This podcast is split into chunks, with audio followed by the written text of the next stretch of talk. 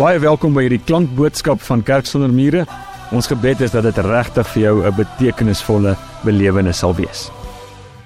Here, ontvang hierdie woorde uit ons harte uit.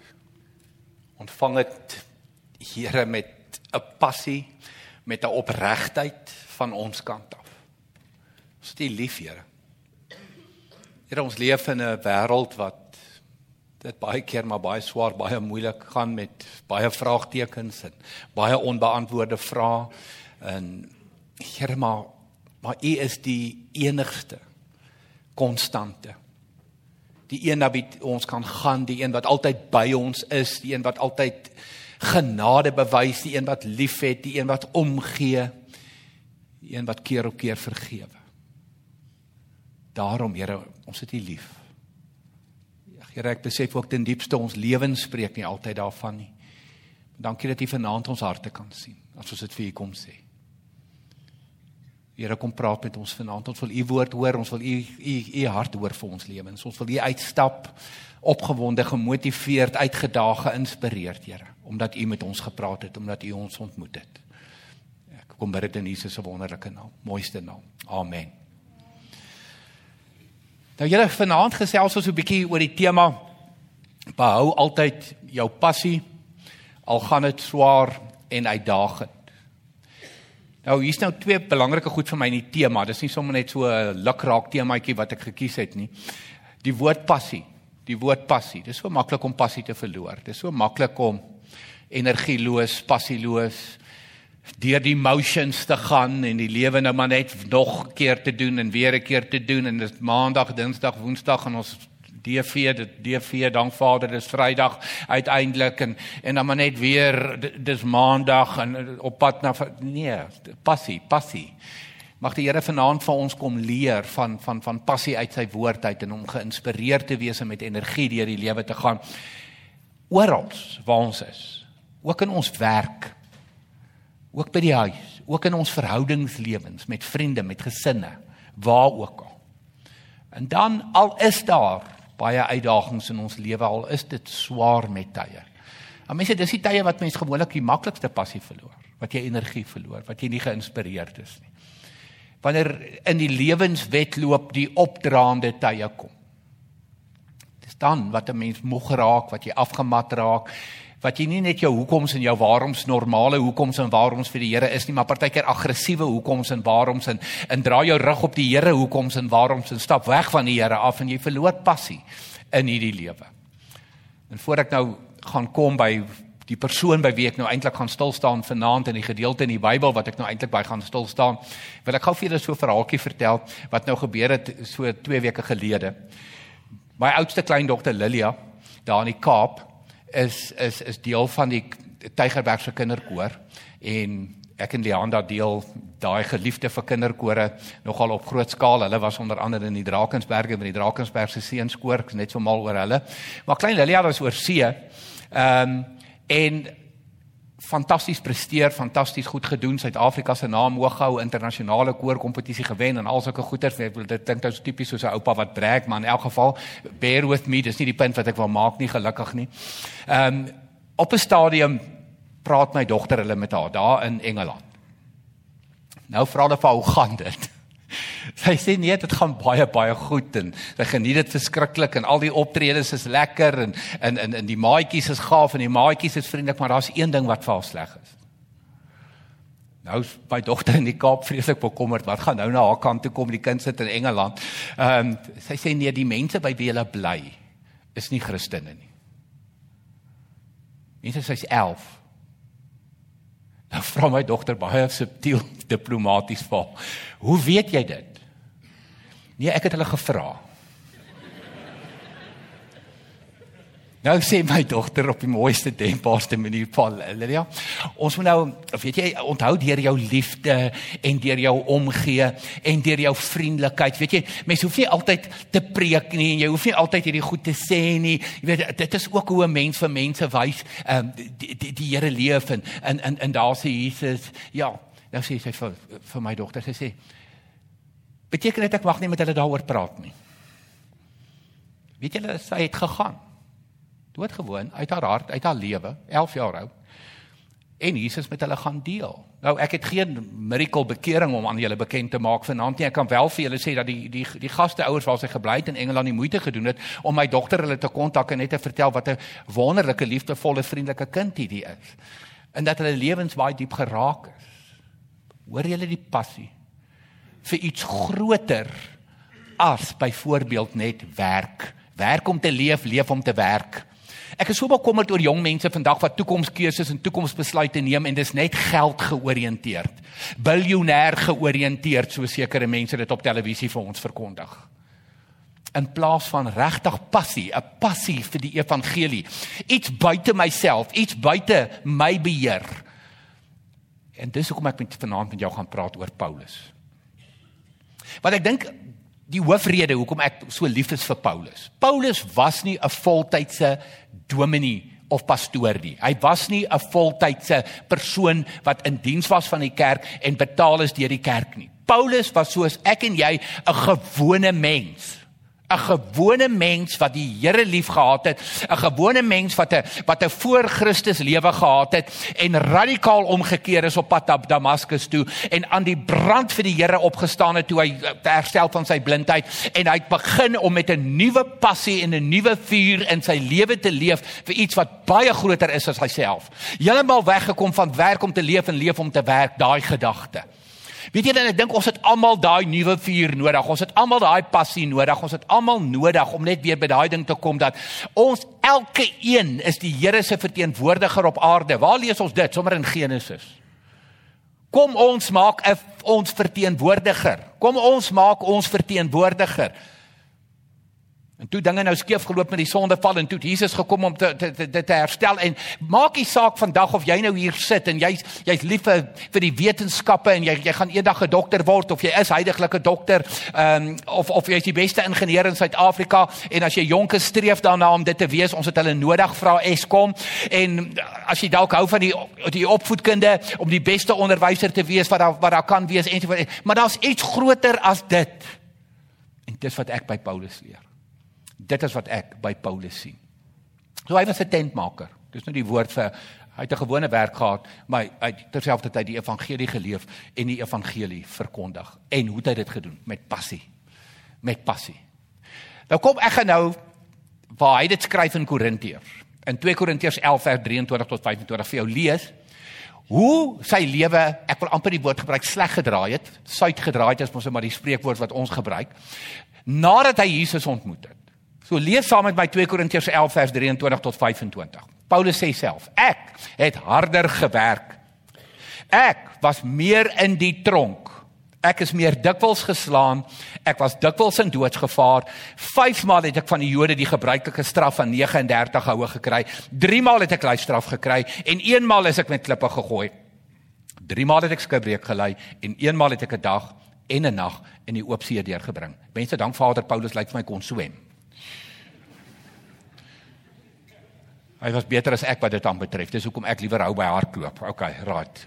Hou my net uit 'n swembad uit. Dis gevaarlik. Maar Paulus of hy dan 'n stuk hout vasgehou of iets, ek weet nie wat nie, maar hy made dit. Hy made dit. Maar mense, dis net die eerste deel. So kom ons haal net asem. Daai 5 maal die 39 houe. Jy sê Jesus het dit een keer gekry. Een keer. Baie mense het gesterf tydens die 39 houe. Wat wat hulle hart het gaan staan. Hy het dit 5 maal gehad. Kom ons gaan aan. Ek was dikwels op reis in gevaar. Daar was gevare van riviere, gevare van rowers, gevare van my volksgenote, gevare van heidene, gevare in die stad, gevare in die veld, gevare op see, gevare. Okay, Paulus, ons kry die punt. Gevare. Gevare. Daar was vir my harde werk en swaar kry. Dikwels nagte sonder slaap, dikwels honger en dors en dikwels as ek sonder kos, sonder skuilings of bedekking teen die koue. Nie 'n dak oor my kop nie nie geld om kos te koop nie, nie kos nie, ensovoorts ensovoorts ensovoorts. Mense het hierdie man ooit 'n stukkie van sy passie verloor vir die lewe. Nee. Hoekom? Hy het geweet Hy het geweet daar's iets groter as hy. Dit gaan nie net oor sy tentmaker werk nie. Dit gaan nie net oor hom nie. Dit gaan oor die evangelie. Daardie dag toe daai man die kruis ontdek en Jesus ontdek en 'n nuwe lewe ontdek, Ek kon nou vir julle sê dis die dag van geen brieke in Paulus se lewe en ek en jy het daai vuur in ons lewe nodig. Ek en jy dit nodig. Maak die saak soos ek net vir jou gesê het of jy die beste dokter, die beste ingenieur, die beste onderwyser, die beste huisvrou, die beste ma, die beste pa, die beste skoolier, die beste student, die beste wat ook al is in jou lewe nie. Die vuur wat ons moet dryf, moet iets baie groter wees as dit. Daar's mense wat besig is om verlore te gaan. Daar's mense wat Jesus nodig het. Wherever you go, waar jy ook al leef, waar jy ook al asemhaal, waar jy ook al jou voete sit, daar's sulke mense. Plaat dit jou enigsins. Dit moet ons dryf in die lewe wees. Ons sal nooit passie verloor nie as ons dink soos Paulus en doen soos Paulus nie. Nou kom ek help jou.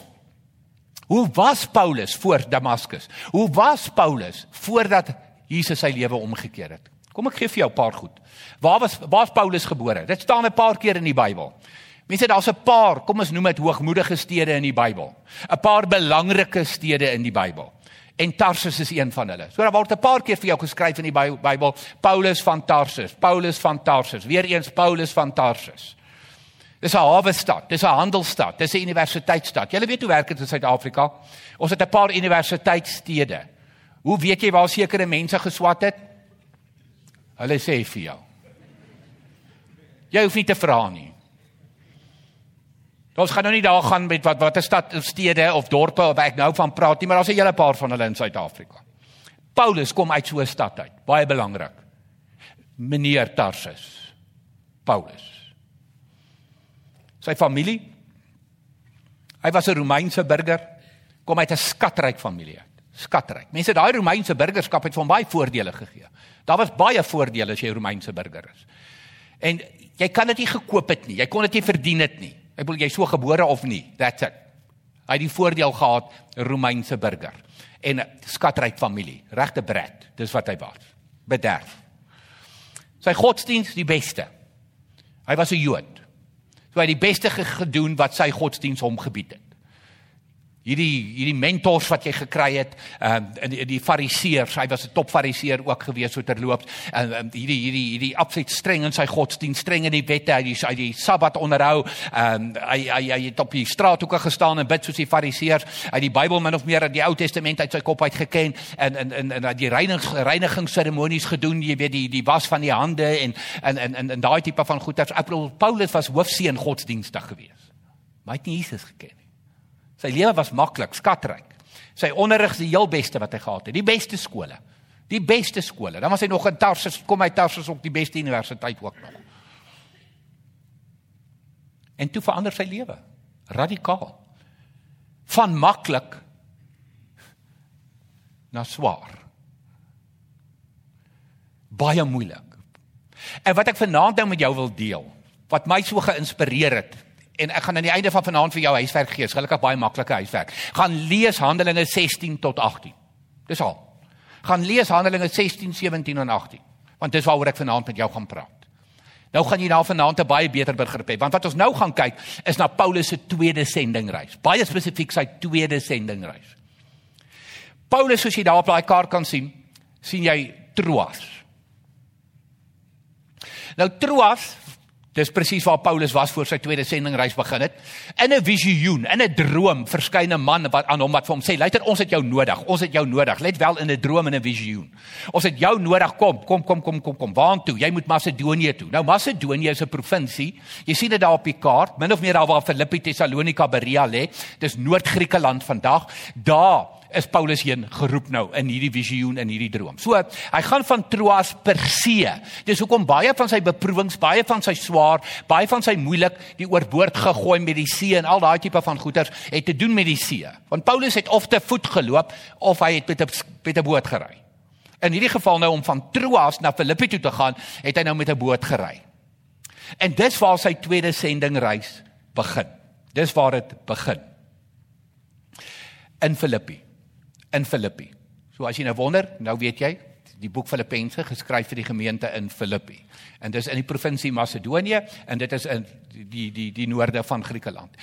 Nou daar in in Filippi gebeur vreeslike mooi goed en vreeslike swaar goed, vreeslike ek wil amper sê ingewikkelde bad goed in in in in in Paulus se lewe.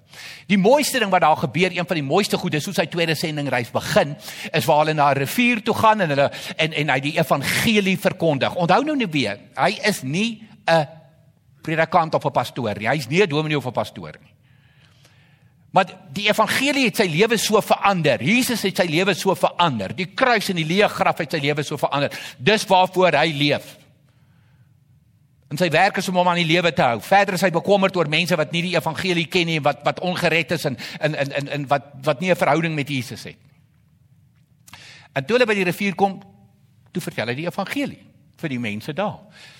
En almal van julle ken die verhaal van Lydia die purperverkoopster. Dit is so 'n loops pers wol materiaal, baie duur wol materiaal. En daar kom Lydia en van haar volgelinge tot bekering en sy na hele gesin word gedoop. Dit is die dis die mooi kant van wat daar gebeur. En toe beweeg Paulus en en en Timoteus en whoever nou saam met hom was, beweeg na die stadsplein toe en hulle gaan na die stadsplein in Filippi en ek wil amper sê toe breek alle hel los.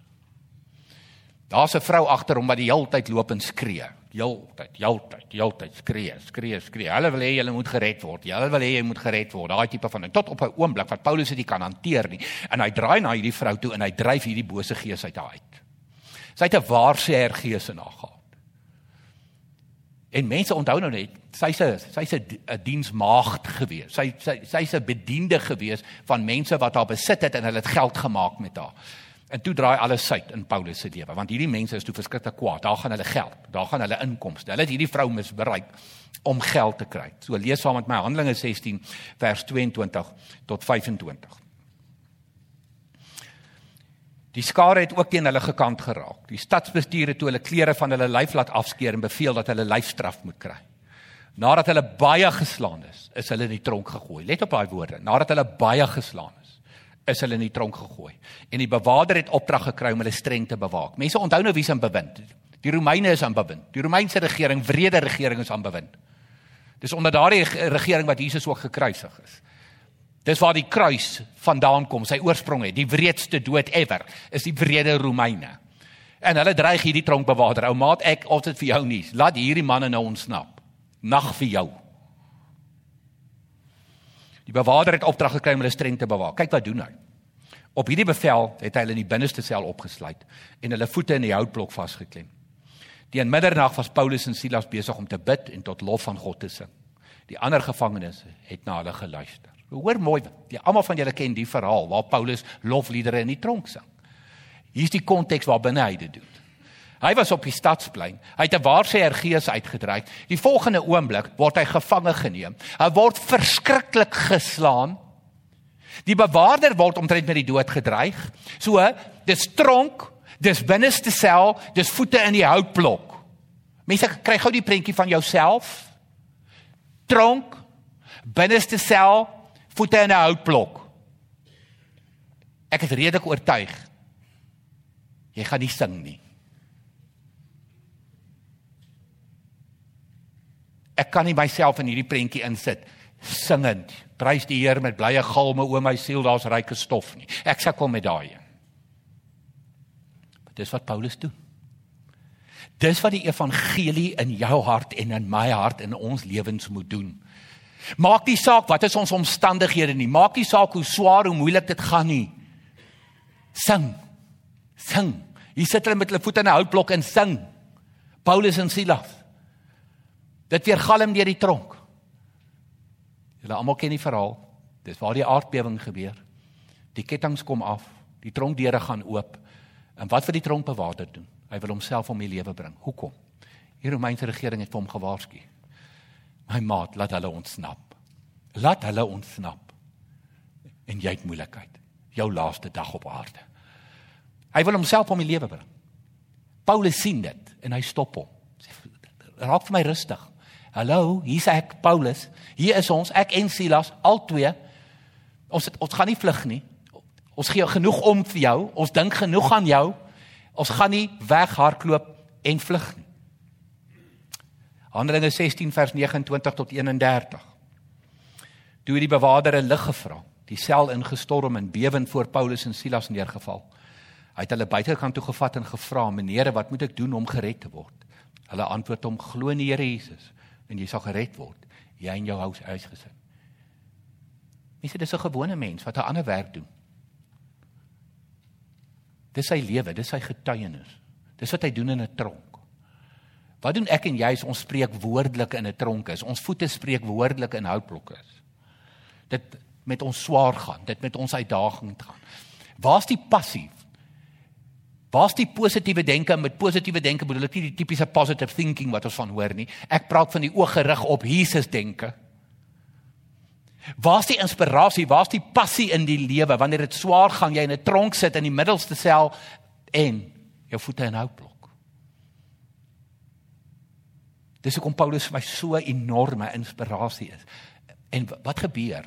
Omdat hy bereid is om die pyn te vat, omdat hy bereid is om die om die noks te vat, die skokabsorbeerder. Elke gelowige in hierdie wêreld moet 'n skokabsorbeerder wees. Kom mense tot bekering. Hy word uitmekaar uitgeslaan. Hy word amper vermink, mense, dis hoe hy geslaan word. Dis die pyn wat hy vat. Daar's nie moan and groan nie. Nee, dit is voluit vorentoe, voluit vorentoe, passievol vorentoe. Daar's mense wat die Here nie ken nie. Die evangelie het my lewe verander. Dit die evangelie kan dit doen vir ander mense. Die evangelie moet gehoor word. Wie die kere wat Paulus op die stadsplein gepreek het, die evangelie verkondig het, wat hy na die sinagoges toe gegaan het en met die Jode geredeneer het. Wanneer het hy dit gedoen? Tussen 12 en 2 in die middag. Dit was die siesta tyd in die Romeinse regering se se se se periode. En na werk, na werksure. Dis wanneer hy dit gedoen het. Dis nie in die oggend as hy opstaan, okay, weet kom ons eet ontbyt en nou gaan ek sinagoge toe of nou gaan ek stadsplein toe en ek is mos nou hierdie dominee, ek is mos nou hierdie predikant, ek is hierdie pastoor, kom ons gaan. Nee. Nee, mense en dit dit is wat moet in ons harte gebeur. En dan in Handelinge 16 vers 36 en 39 lees ons. Die bewaarder het toe die boodskap aan Paulus oorgedra en gesê: "Die stadsbestuur het laat weet dat jy losgelaat moet word." Julle kan nou gaan en voorspoed op julle reis. Nadat hulle stikkend geslaan is, nadat hulle in die in die binneste sel was, nadat hulle voete in 'n houtblok was. Kry hulle die nuus, julle kan gaan. En toe trek Paulus die Romeinse burgerskap op hulle. Sê, "Ha, ha nee nee nee nee nee nee. Laat weet vir hulle, hulle sal vir my kom om verskoning vra. Ek is 'n Romeinse burger mag nie dit doen met 'n Romeinse burger nie. En dis hoekom jy lees in vers 39. Hulle het gegaan om verskoning gevra. Hulle het die tronk uitgelei en hulle versoek, hoor mooi, kan jy glo? Paulus is so aan die brand vir die Here. Hulle het hom versoek om die stad te verlaat. Asseblief gaan net.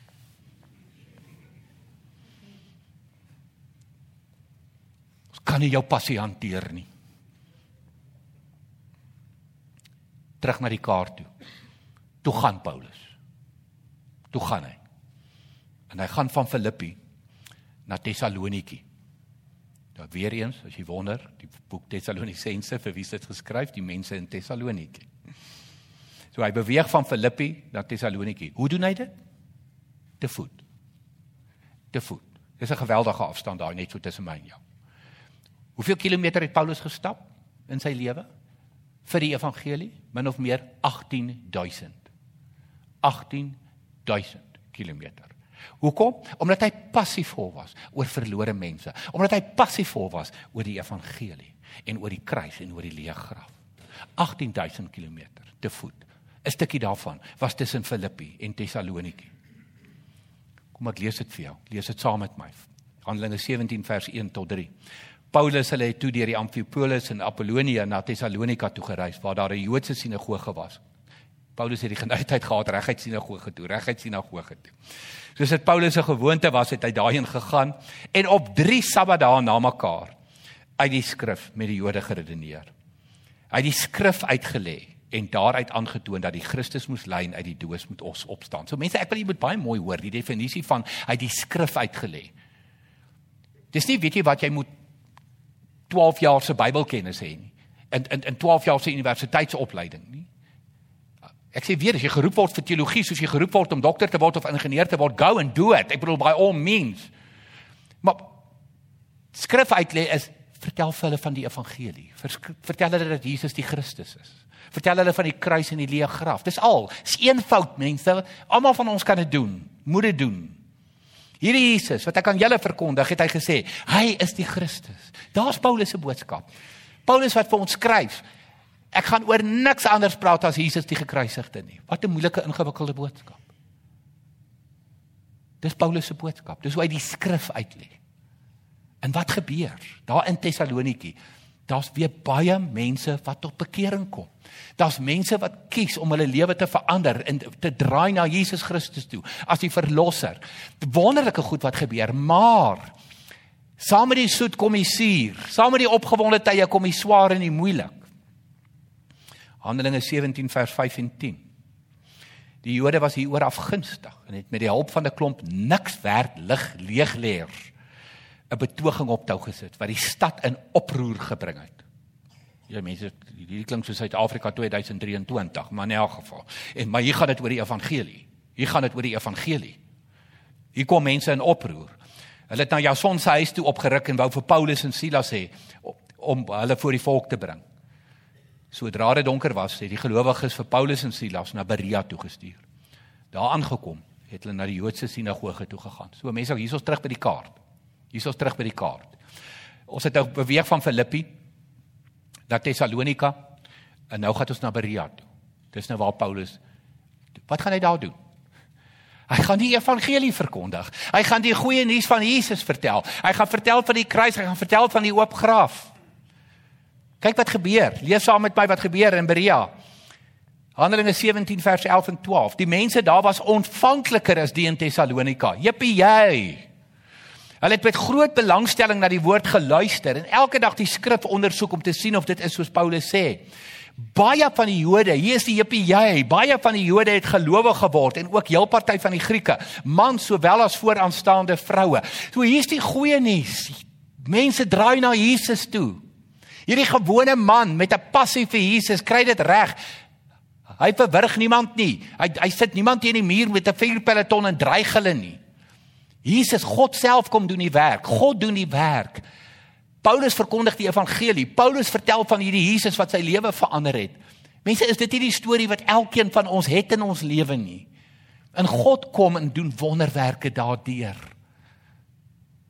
Maar daar's altyd die ander kant vers 13 en 15. Toe die Jode in in Tessalonika egter hoor dat Paulus die woord van God ook in Berea verkondig, het hulle ook daar gaan oproer stook en die mense opgesweep. Kan jy glo? Die leegleers wat ons net van gelees het in Tessalonika, gaan nou Berea toe, want hulle hoor mense draai na Jesus toe. En hulle gaan maak die lewe vir Paulus hel. Die mense wat vir Paulus begelei het, het hom tot by Athene gebring. Nou mense kyk nou weer op die kaart. Kyk gou-gou Berea, Athene. As jy nou wil afstand soek. Nou gaan ons hier na die suide toe. Te voet. Te voet. Nou daai gedeelte wat jy sien op die kaart Athene Korinte, dit is ek ek noem dit in in Griekeland die die afgodsgedeelte. Dis waar afgode verskriklik. Apollos ensovoort ensovoort ensovoort aanbid word en dit dis dis beelde en dis klipbeelde en dit is ag dit dit dit dit is verskriklik. En nou is hy in Athene. Handelinge 17 vers 16 en 17.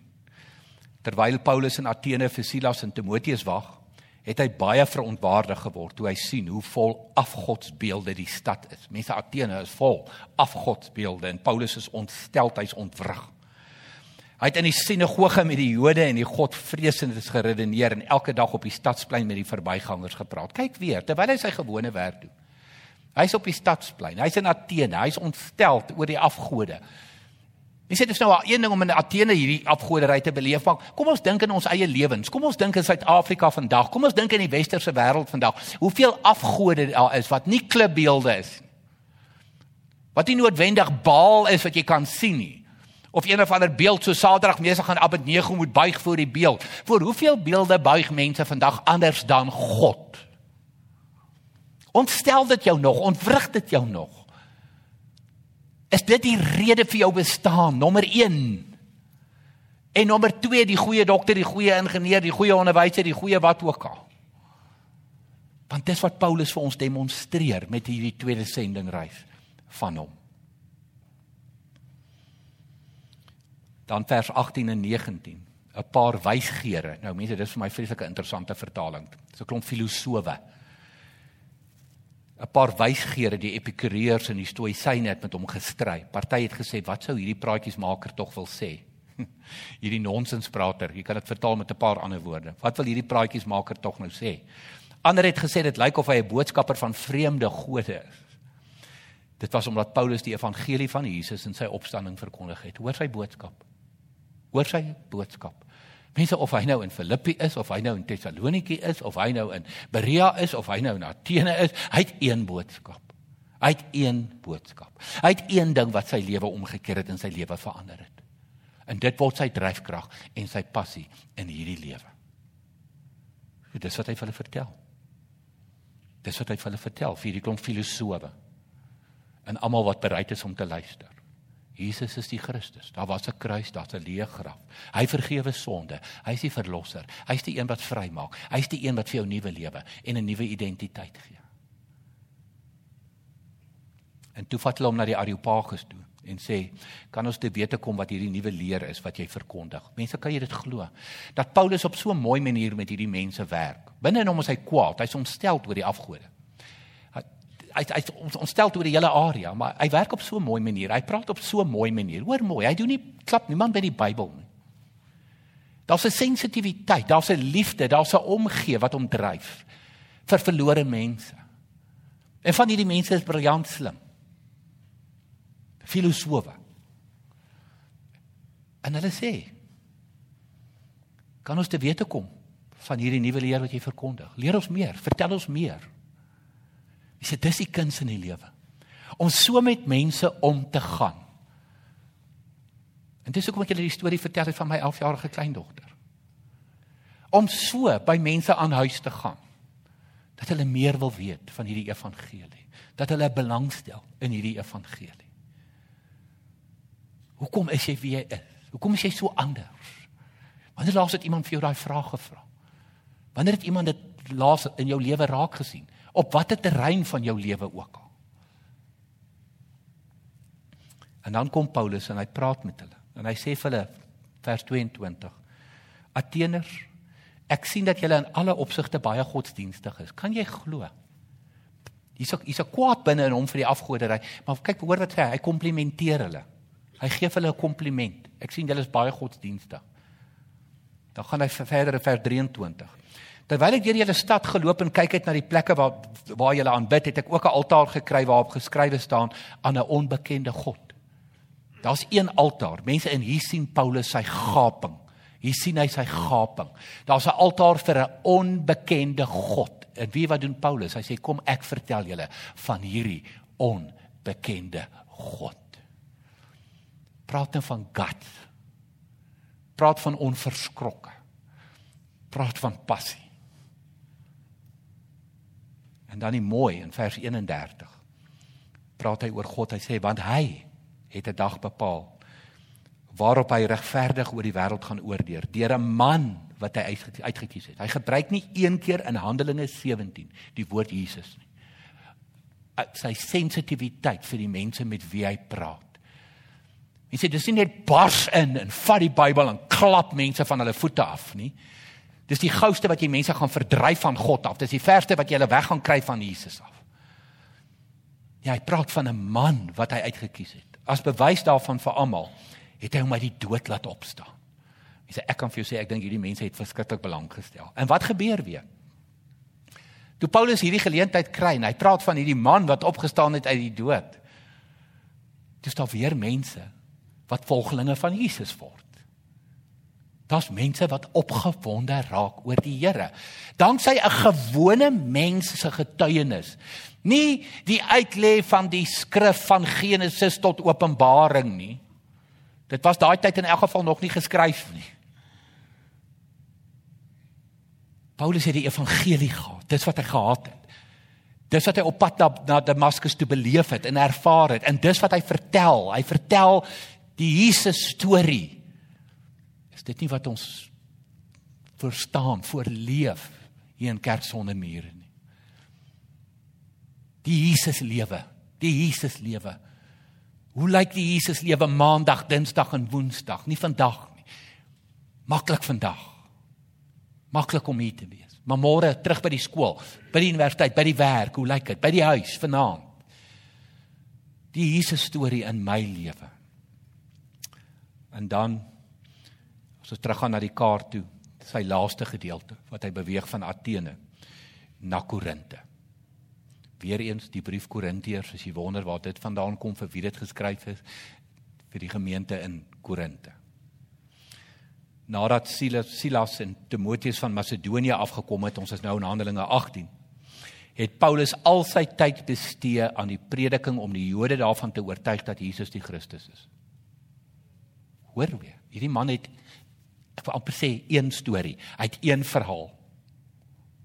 Jesus is die Christus. Maar toe hy toe hulle hulle aanhou en verset en hom beledig, het hy die stof van sy klere afgeskit en vir hulle gesê: "As julle verlore gaan, is dit julle eie skuld. Ek aanvaar nie die verantwoordelikheid daarvoor nie. Van nou af gaan werk ek onder mense wat nie Jode is nie." Die wonder wat gebeur in Korinte weer. Ek kan nou nie alles vir julle lees nie, ons nie tyd vir alles nie. Daar's weer mense wat tot bekering kom. Daar's mense wat die waarheid hoor. Daar's mense wat die evangelie hoor wat tot bekering kom. Maar daar's ander wat hulle verset soos wat ons die die betogings wat ons beleef het in in in Tessaloniki en wat ons beleef het in in in Berea. Ja, ek kry dieselfde verset by die Korintiërs. Nou, weet julle wat is van die die wonderlike van Paul van van Paulus? Hierdie ons sien nie hom niks. Hierdie woorde wat hy vir hulle sê, kom ek lees dit weer vir jou. Hy het die stof van sy klere afgeskit en vir hulle gesê: "As julle verlore gaan, is julle eie skuld. Ek aanvaar nie die verantwoordelikheid daarvoor nie. Hier kom dit nou. Van nou af gaan werk ek onder mense wat nie Jode is nie." Wie wat sê hy? Ek gaan nou in 'n hoë rad. Dis wat hy sê. Julle goeie attitude, julle verwerping van die evangelie gaan regtig my nie onseën nie nie. As julle nie wil hoor nie, dan gaan ek nou next level. Nou gaan ek van standaard graad hoër graad. Nou gaan ek in turbo boost. Want hierdie evangelie moet gehoor word. Nou gaan ek vir die ongelowiges. Die ongodsdienstiges. En hy skud die stof van sy voete af. En dis waar sy tweede sendingreis eindig. En daarom sê ek vir jou hier aan die einde van vanaand, jou huiswerk gaan lees Handelinge 16 tot 18, drie kosbare hoofstukke in die Bybel. Wat begin met 'n visioen in Troas. Per skip gaan hy daar na Neapolis toe, die hawe stad en van daar af Filippense, Filippi. Filippi, Tessalonika, Berea, ver af na Athene, Korinte en dis waar sy tweede sendingreis eindig. En toe sê hy, hoe eindig hy sy tweede sendingreis? Nadat hy uitmekaar uitgeslaan is, nadat hy hoeveel honderde kilometer te voet geloop het, nadat hy beledig is, nadat hy in die tronk was, nadat sy voete in die houtblok was. Hoe eindig hoe eindig sy tweede sendingreis? Hoorrat. Passie, passie, passie. Nie nou het ek genoeg gehad. Nou gaan ek so 'n bietjie rus. 6 weke verlof, 2 jaar se sabbatical. Hierdie is bietjie rof, hierdie is bietjie erg. Nee nee nee, kom in 'n hoër rad. sien mense dit, as jy regtig die evangelie begryp, as jy regtig die evangelie verstaan, as jy die kruis begryp, die kruis verstaan, die leë graf, dit wat Jesus vir ons elkeen gedoen het. Ons kan nie stil bly nie. Jou lewe kan nie anders wees nie. Jou lewe kan nie anders lyk nie. Dis 'n hoër rad die heeltyd. So wat wat wat leer ons uit hierdie storie? Die terugslag hou net aan en aan en aan. Die beledigings, die lyfstraf, die tronk, die verwerping. Maar Paulus hou net aan en aan en aan. Nik steel sy passie nie. Mag dit waar wees in my lewe, mag dit waar wees in jou lewe. Na vanaand 'n hoër rad. Jesus is die Christus. Daar's mense wat dit moet hoor. Daar's mense wat dit moet sien in jou lewe, wat dit moet ervaar, wat dit moet beleef. Leef vir iets groter as jouself. Kom ons bid. Here, dankie vir Paulus se voorbeeld. Dankie vir sy inspirasie. Dankie vir sy energie, dankie vir sy passie. Dankie dat niks niks niks Here in hierdie lewe hom ondergekry het nie. Nadat hy U leer ken het, Here Jesus, was hy net eenvoudig aan die brand. 'n vlam wat nooit uitgeblus is nie, 'n vlam wat die heeltyd net hoër gebrand het. 'n Man wat terugslaan, swaar kry en uitdagings in sy lewe gebruik het om net nog hoër en vinniger te gaan. Here kom steek in elkeen van ons 'n nuwe vuur aan. in ons huise. In ons skole, in ons universiteite, daar waar ons werk, in ons verhoudingslewe, Here.